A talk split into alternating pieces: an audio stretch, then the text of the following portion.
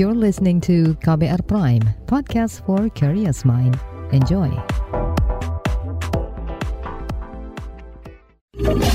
Kamu lagi dengerin What's Trending KBR Pagi.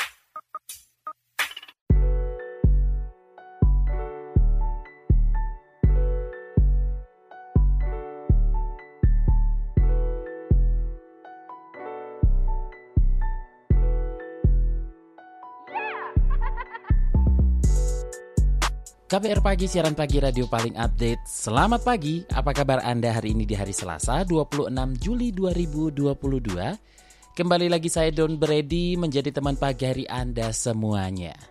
Gimana nih pagi ini? Sudah pada ngopi atau masih macet-macetan di jalan? Jangan lupa prokes dan perilaku hidup sehat ya, atau malah mulai kendor nih. Nah, yang kendor-kendor prokes coba diketatkan lagi. Kenapa? Karena cacar monyet sudah dinyatakan sebagai darurat kesehatan global. Usai rapat kedua Komite Kedaruratan Organisasi Kesehatan Dunia WHO, Direktur Jenderal WHO Tedros Adhanom Ghebreyesus menyatakan cacar monyet sebagai darurat kesehatan global. Pernyataan ini berdasarkan penyebaran cacar monyet di 75 negara, di mana tercatat ada 16.000 kasus dan 5 kematian akibat cacar monyet. Meskipun Direktur Jenderal WHO Tedros Adhanom Ghebreyesus telah menyatakan cacar monyet sebagai darurat kesehatan global, dirinya masih belum bisa mencapai konsensus penggolongan cacar monyet sebagai darurat kesehatan global. Penyakit cacar monyet pertama kali ditemukan di Zaire, Afrika pada 1970-an virus ini menular cepat dan meluas. Pada Juni lalu, WHO melaporkan jumlah kasus cacar monyet ada sekitar 1.000 kasus di 29 negara di dunia, seperti di Australia, Belgia, Kanada, Prancis, Jerman, Italia, Portugal, Spanyol, Swedia, dan Korea Selatan. Sebulan kemudian atau pada Juli ini, jumlah kasus cacar monyet sudah 16.000 kasus dan ditemukan di 75 negara. Di tengah peringatan global ini, juru bicara Kementerian Kesehatan Republik Indonesia, Muhammad Syahril mengajak masyarakat mengantisipasi penyebaran cacar monyet. Menurut Syahril, pencegahan penyebaran cacar monyet tidak jauh berbeda dengan pencegahan COVID-19. Nah, jadi pentingnya penerapan protokol kesehatan nggak cuma buat COVID-19, tapi buat cacar monyet juga. Untuk mengetahui bagaimana pencegahannya di Indonesia, kita akan bahas pagi ini, tapi seperti biasa, kita dengarkan dulu netizen plus 62 berikut ini.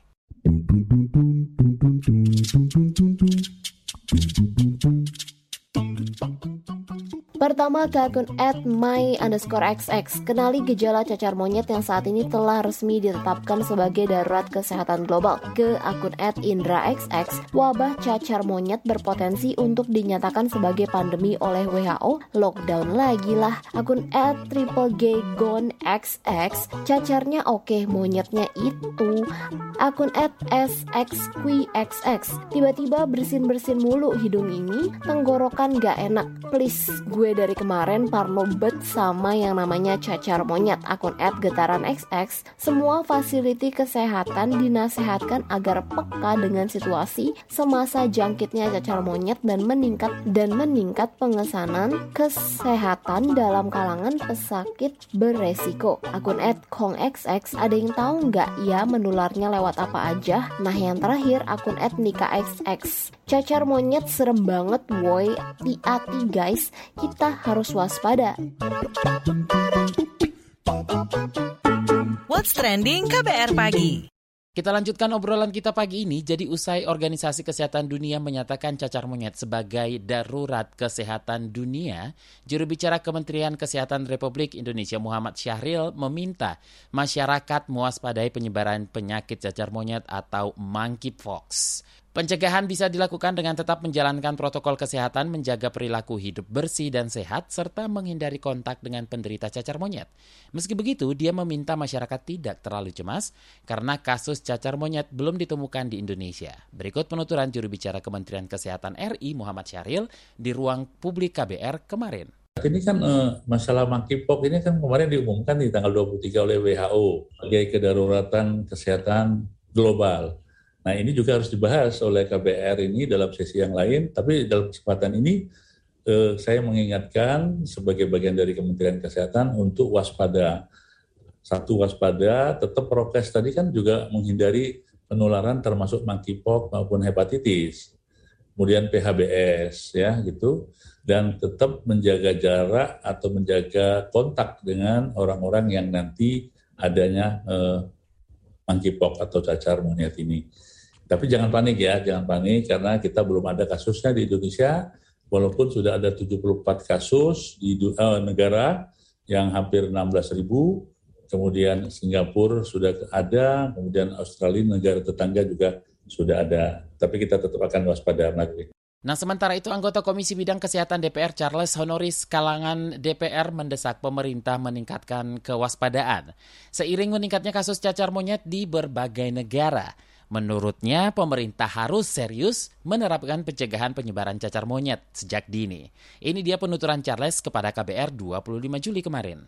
Yang pasti pemerintah harus sudah mempersiapkan protokol penanganan, ya, termasuk fasilitas dan obat-obatan diperlukan, karena cepat atau lambat ya, menurut saya kemungkinan kita akan menemukan adanya kasus cacar monyet juga di Indonesia karena apalagi kalau sudah kita mendengarkan dari WHO bahwa penyebarannya juga dikatakan relatif cukup mudah gitu ya sehingga ya harus waspada. Kedua, komunikasi publik pemerintah juga harus dilakukan secara akurat dan hati-hati. Kita juga tidak menginginkan adanya kepanikan uh, publik ya. Jadi informasi yang diberikan harus akurat ya, harus hati-hati dan juga sekaligus mempersiapkan masyarakat bagaimana caranya menghadapi potensi penularan cacar monyet di Indonesia. Nah lantas bagaimana kita sebagai masyarakat bisa mencegah penyebaran itu? Apa yang perlu kita lakukan? Dokter spesialis penyakit dalam Siloam Hospital Agora Gerald Torre dalam diskusi penanganan monkeypox atau cacar monyet pada lansia dua pekan lalu menyampaikan bagaimana penyebaran cacar monyet, pencegahan, penanganan, dan proses penyembuhannya. Langsung kita dengarkan penjelasannya. Bagaimana sih monkeypox ini ditularkan? Kita lihat pertama caranya adalah kontak langsung dengan hewan yang terinfeksi, baik secara e, karena gigitan atau kedua mungkin dari cakaran hewan tersebut, hewan yang terinfeksi monkeypox. Kemudian yang kedua, kita kontak dengan bahan yang terkontaminasi virus monkeypox. Bahan apa aja? Itu bahan bisa banyak banyak jenis, bisa e, gagang pintu, bisa meja, termasuk handphone Pak Bu Mantap sendiri yang terkonfirmasi akibat mungkin biasa kan kalau kita duduk naruhnya di meja lupa dibersihin. Nah itu mungkin meja tersebut ada virus monkeypox-nya. Nah kita pegang handphonenya. Nah udah kena tuh. Penularannya itu pertama itu lewat kulit yang rusak Kemudian kedua saluran pernapasan dan yang ketiga itu dari selaput lendir, mata, hidung dan mulut. Itu tempatnya selaput lendir. Kalau kita lihat di sini ini 11-12 dengan cara penularan dari COVID-19 atau COVID-19 apa pun jenisnya, apa pun variannya.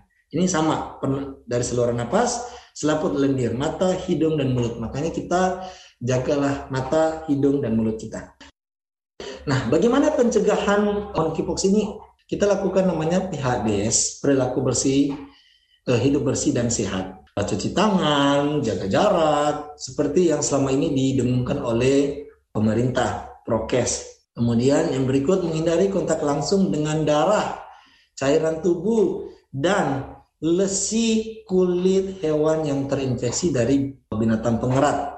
Nah, contoh binatang pengerat apa aja? Itu tikus, tupai, hamster, marmut. Dan juga lesi kulit dari monyet kita kalau memegang sesuatu baik apa pun itu kalau memegang daging mentah lagi mau masak Pak Bu mantap ingat selalu jangan lupa cuci tangan dulu sebelum mengucap mata ingat selaput lendir itu ada mata hidung dan mulut kemudian yang ketiga menghindari konsumsi daging hewan yang terkontaminasi atau daging hewan liar atau daging yang tidak dimasak dengan baik jadi hati-hati kita makan makan daging atau masak yang uh, belum matang lah kasarnya ya. Biasanya kan kalau kita makan steak atau apa kan sukanya kan setengah matang, nggak mau well done gitu kan. Harus yang half biar berasa lebih juicy. Hati-hati karena kadang-kadang secara nggak sadar bahwa ternyata mungkin daging itu sudah terkontaminasi oleh virus, apakah monkeypox atau virus-virus yang lain. Jadi kita harus berhati-hati. Angka baiknya makanlah makanan yang dimasak dengan baik dan benar dan matang. Kemudian yang berikut, menghindari kontak fisik dengan orang yang terinfeksi atau material yang terkontaminasi. What's Trending KBR Pagi Newsbeat Perserikatan Bangsa-Bangsa PBB mengecam eksekusi mati empat tahanan yaitu anggota parlemen partai pimpinan Aung San Suu Kyi dan tiga aktivis pro-demokrasi. Sebelumnya junta militer Myanmar telah mengeksekusi empat tahanan termasuk bekas anggota parlemen partai pimpinan Aung San Suu Kyi dan aktivis pro-demokrasi. Dikutip dari Global New Light of Myanmar, empat tahanan itu dieksekusi mati karena dituduh memimpin aksi teror brutal dan tak manusiawi. Eksekusi dilaksanakan sesuai prosedur penjara tetapi tak ada keterangan detail soal waktu dan bagaimana eksekusi berlangsung. Sekjen PBB Antonio Guterres menyebut eksekusi ini sebagai pelanggaran memalukan atas hak untuk hidup bebas dan hak atas keamanan seseorang. Ilmuwan dari University of California berhasil membuat fotosintesis buatan, di mana peneliti melakukan rekayasa perubahan air, karbon dioksida, dan sinar matahari menjadi oksigen dan membantu tanaman hidup secara alami. Fotosintesis buatan ini dibuat untuk memproduksi makanan, energi, dan material sejenisnya. Melansir Science Alert, insinyur kimia dan lingkungan dari University of California, Robert Jinkerson, mengatakan fotosintesis tanaman tanaman hanya menghasilkan 1% biomasa tanaman, sedangkan fotosintesis buatan ini mampu menghasilkan empat kali lipatnya. Produser film dan presiden produksi Marvel Studio Kevin Feige mengungkapkan Black Panther 2 Wakanda Forever akan menjadi film tribut dari mendiang Chadwick Boseman. Menurut Kevin, semangat dari sang aktor untuk sequel film Black Panther menjadi dorongan pelaksanaan produksi film tersebut. Semangat kebanggaan budaya dan dampak dari sang aktor ke industri perfilman pun digadang-gadang berpengaruh pada Black Panther 2 Wakanda Forever. Sequel kedua Black Panther sendiri akan mengeksplor dunia Wakanda yang tidak tertandingi, baik dari segi kekayaan alam dan keberagaman karakternya. What's Trending KBR Pagi alarm darurat cacar monyet itu yang kita obrolin pagi ini. Nah, Ketua Satgas Penanganan COVID-19 Ikatan Dokter Indonesia, Profesor Zubairi Zurban tak menutup kemungkinan adanya kasus cacar monyet di Indonesia, namun belum terdeteksi. Sehingga menurutnya perlu dilakukan pencegahan cacar monyet. Untuk membahas ini lebih lanjut, kita langsung saja ngobrol bareng Ketua Satgas Penanganan COVID-19 Ikatan Dokter Indonesia atau IDI, Profesor Zubairi Zurban. Gimana nih Prof melihat pernyataan Direktur Jenderal WHO Tedros Adhanom Ghebreyesus menyatakan terkait cacar monyet sebagai darurat kesehatan global? Iya, yang pertama tentu case finding menemukan kasus karena kan sudah ada cukup banyak 16 ribu lebih di 75 negara. Sedangkan Indonesia itu negara dengan penduduk nomor 4 dunia. Nomor satu kan Cina, kemudian India, ketiga Amerika, keempat Indonesia. Jadi dengan penduduk yang begitu banyak, mestinya dengan 200 ribu jutaan penduduk, ada kemungkinan bahwa sebetulnya cacar monyet sudah ada di Indonesia, namun mungkin belum terdeteksi. Karena itu pemerintah perlu dan kita semua perlu mengedukasi masyarakat kalau ada gejala seperti berikut, maka harus segera ke dokter tanya ini cacar monyet enggak gitu. Jadi artinya para dokter dokter umum, dokter spesial, spesialis kulit, spesialis dalam siapa pun yang menemukan kelainan kulit yang mirip cacar air dengan penting-penting dengan dengan gejala yang melamar disertai demam, panas, dan ada pembesaran kelenjar getah bening, maka harus waspada dan harus melaporkan ke tempat dia bekerja dari kalau di rumah sakit ke direktur rumah sakit agar melaporkan kemudian ke dinas kesehatan untuk kemudian di follow apakah benar cacar monyet atau bukan. Nah pengetatan di pintu gerbang e, ke Indonesia harus diperketat nggak? Tapi pengetatan yang ketat banget sih tidak harus ya. Karena eh, kan biasanya begini mirip-mirip dengan semua penyakit wabah yang lain begitu sudah masuk ke Indonesia itu berarti sudah terjadi penularan antar penduduk Indonesia itu ya. Jadi hmm. sudah tidak penting lagi kasus yang dari luar. Jadi yang penting sekarang memang dua-duanya penting menemukan kasus di Indonesia atau menemukan kasus orang yang baru masuk Indonesia Namun nanti misalnya sudah ada satu dua kasus, eh, maka yang lebih penting adalah waspada di dalam negerinya gitu ya. Apa sih yang mesti dilakukan pemerintah saat ini? Oh iya, jadi mengadakan penyuluhan edukasi oleh semua pihak ya Pak. Ya pemerintah, ya Kemenkes, ya Anda, ya saya semuanya agar eh, masyarakat waspada. Jadi kalau ada pasien dengan kelainan uh, kulit, dengan mirip cacar air, kemudian sebelumnya ada panas, demam, meriang, dan mungkin kalau dipegang ketiaknya atau sekitar lehernya ada pembesaran kelenjar bening, ya harus segera ke dokter. Dan juga untuk pintu masuk Indonesia, untuk petugas di eh, sana juga mestinya waspada kalau ada pasien dengan panas atau pasien dengan kelainan kulit atau dengan kelainan kulit di misalnya di muka atau di mana ya kemudian harus harus waspada dan lapor. Oke, terima kasih Ketua Penanganan COVID-19 Ikatan Dokter Indonesia Profesor Zubairi Zurban. Di sisi lain, epidemiolog Fakultas Kesehatan Masyarakat Universitas Indonesia FKM UI, Triunis Miko Wahyono, menilai pengkategorian penyebaran cacar monyet sebagai darurat kesehatan global berlebihan. Sebab penyebarannya tidak semasif COVID-19 dan angkanya masih kecil di beberapa negara. Berikut keterangannya kepada KBR. Darurat public health public health emergency-nya apa? Kasusnya nggak terlalu banyak kok. Ya, memang di Kongo atau di Afrika Tengah sana banyak ribuan, dua ribuan. Tapi di negara-negara lain cuma dua puluhan begitu, atau bahkan satuan begitu ya harusnya darurat lokal lah di Kongo begitu. Itu harus diatasi di Kongonya atau di Afrika Tengah begitu. Yang kasusnya di Afrika Tengah tiga ratusan, yang di, di Kongo itu dua ribuan. Negara lain cuma ada yang satuan, ada yang sepuluhan begitu. Cuman batasan pandeminya itu berapa kalau 10 kasus sudah, sudah WHO menyatakan emergency of public health, ya itu WHO salah betul ya harusnya batasannya clear. Ini WHO tidak clear. Ya mengantisipasi ya boleh, tapi kan tidak bahaya eh, dan harus melihat cara penularannya. Cara penularan itu lewat kontak orang yang eh, kena cacar. Yang kena cacar itu kelihatan. menurut saya kasus cacar monyet itu gampang lah. Orangnya kelihatan sakit, kemudian menularnya melalui melalui kontak langsung atau kontak terhadap cairan cacar nanahnya. Gitu cacar monyetnya. Menurut saya yang harus diketahui uh, adalah kalau ada orang penyakit cacar ya sementara ini hindari ya kita nggak tahu apakah dia cacar air atau cacar varicella atau variola begitu. Jadi sementara semua uh, masyarakat menghindari semua kasus saja begitu. What's trending KBR pagi? Commercial break. Commercial break. Ada kesedihan, air mata, dan trauma. Namun ada juga gelak tawa, bahagia, dan rasa bangga. Cerita kehidupan manusia adalah perjuangan dan pembelajaran.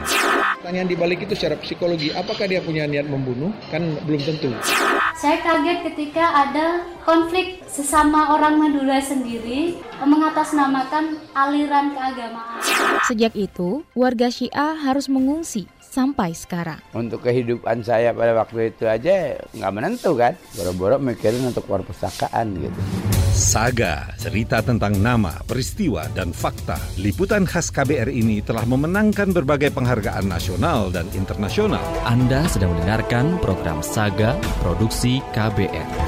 Simak di program Buletin Pagi pukul 6 waktu Indonesia Barat, Buletin Sore pukul 16 waktu Indonesia Barat, dan KBR Pagi pukul 7 waktu Indonesia Barat. Dengarkan Saga di radio jaringan KBR di Nusantara atau streaming di kbr.id. Saga juga hadir dalam bentuk podcast di kbrprime.id.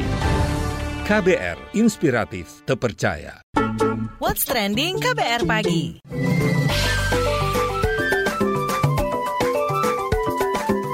WhatsApp Indonesia. WhatsApp Indonesia dimulai dari Jawa Barat. Pengawasan dan kepekaan orang tua serta guru di sekolah menjadi kunci utama untuk mencegah anak menjadi pelaku atau korban perundungan. Ini disampaikan Gubernur Jawa Barat Ridwan Kamil merespon kasus perundungan di Tasikmalaya yang mengakibatkan korban berinisial FH meninggal. Emil meminta orang tua dan guru bisa menjadi teman bagi anak-anak mereka. Pasalnya, anak akan merasa aman jika memiliki tempat mengadu yang ideal, tidak memarahi atau menghardiknya. Sebelumnya, seorang bocah 11 tahun meninggal setelah dipaksa menyetubuhi kucing yang kemudian direkam dan disebar hingga membuat korban. Berinisial FH, depresi berat dan meninggal saat menjalani perawatan. Selanjutnya menuju Aceh. Kabit Layanan E-Government Diskominfo Aceh Henry Dermawan mengungkap ada 536 desa di Aceh yang tidak memiliki akses internet. Melansir Antara News, 387 desa sudah mendapatkan sinyal G dan 2G, namun belum bisa terhubung dengan internet. Sedangkan sisanya masih dikategorikan wilayah blank spot atau tidak ada sinyal dan internet. Beberapa kabupaten yang belum terjamah internet adalah Kabupaten Siimule, Aceh Jaya, dan Gayo Lues. Kabit Layanan E-Government Diskominfo Aceh, Henry Dermawan mengklaim kondisi ini dipengaruhi kondisi geografis perbukitan yang mengganggu sinyal dan kualitas jaringan. Menurutnya, pemasaran satu provider dengan jangkauan 5 km pun belum bisa menjangkau daerah terdekat yang terletak di bawah perbukitan. Meski begitu, dia berdalih pihak Kominfo akan membantu pengadaan infrastruktur internet melalui program Badan Aksesibilitas Telekomunikasi dan Informasi Bakti untuk daerah 3T, tertinggal terluar terdepan. Terakhir mampir Bali, saat ini sektor pariwisata tidak bisa lagi dipisahkan dari sektor kesehatan. Kepala Dinas Kesehatan Bali, Inyoman Gede Ano mengatakan, peningkatan fasilitas kesehatan serta kompetensi tenaga kesehatan dapat semakin mendorong sektor pariwisata kembali bergeliat. Inyoman Gede Ano mengklaim pihaknya tengah meningkatkan kualitas pelayanan kesehatan dengan menyediakan tenaga kesehatan yang bermutu. Peningkatan kualitas pelayanan kesehatan ini untuk meningkatkan sumber daya manusia yang berkualitas dan ber daya saing. Pihak Dinkes Bali juga bekerja sama dengan organisasi-organisasi untuk membina dan meningkatkan SDM di bidang kesehatan. Kepala Dinas Kesehatan Bali Inyoman Gede Ano menambahkan, masyarakat saat ini sudah lebih peduli terhadap kesehatan, termasuk dalam hal kunjungan wisata, sehingga wajar bila tuntutan pemenuhan layanan kesehatan yang maksimal meningkat. Sebelumnya, Menparekraf Sandiaga Uno menargetkan 1,5 juta wartawan, 1,5 juta wisatawan mancanegara datang ke Bali sepanjang tahun ini. Demikian WhatsApp Indonesia hari ini. Demikian KBR pagi hari ini. Jika Anda tertinggal siaran ini, Anda kembali bisa menyimaknya di podcast What's Trending yang ada di Spotify, kbrprime.id, dan di aplikasi mendengarkan podcast lainnya. Dan Brady undur diri, besok kita ketemu lagi. Stay safe. Bye-bye. Terima kasih ya sudah dengerin What's Trending KBR Pagi. KBR Prime, cara asik mendengar berita. KBR Prime, podcast for curious mind.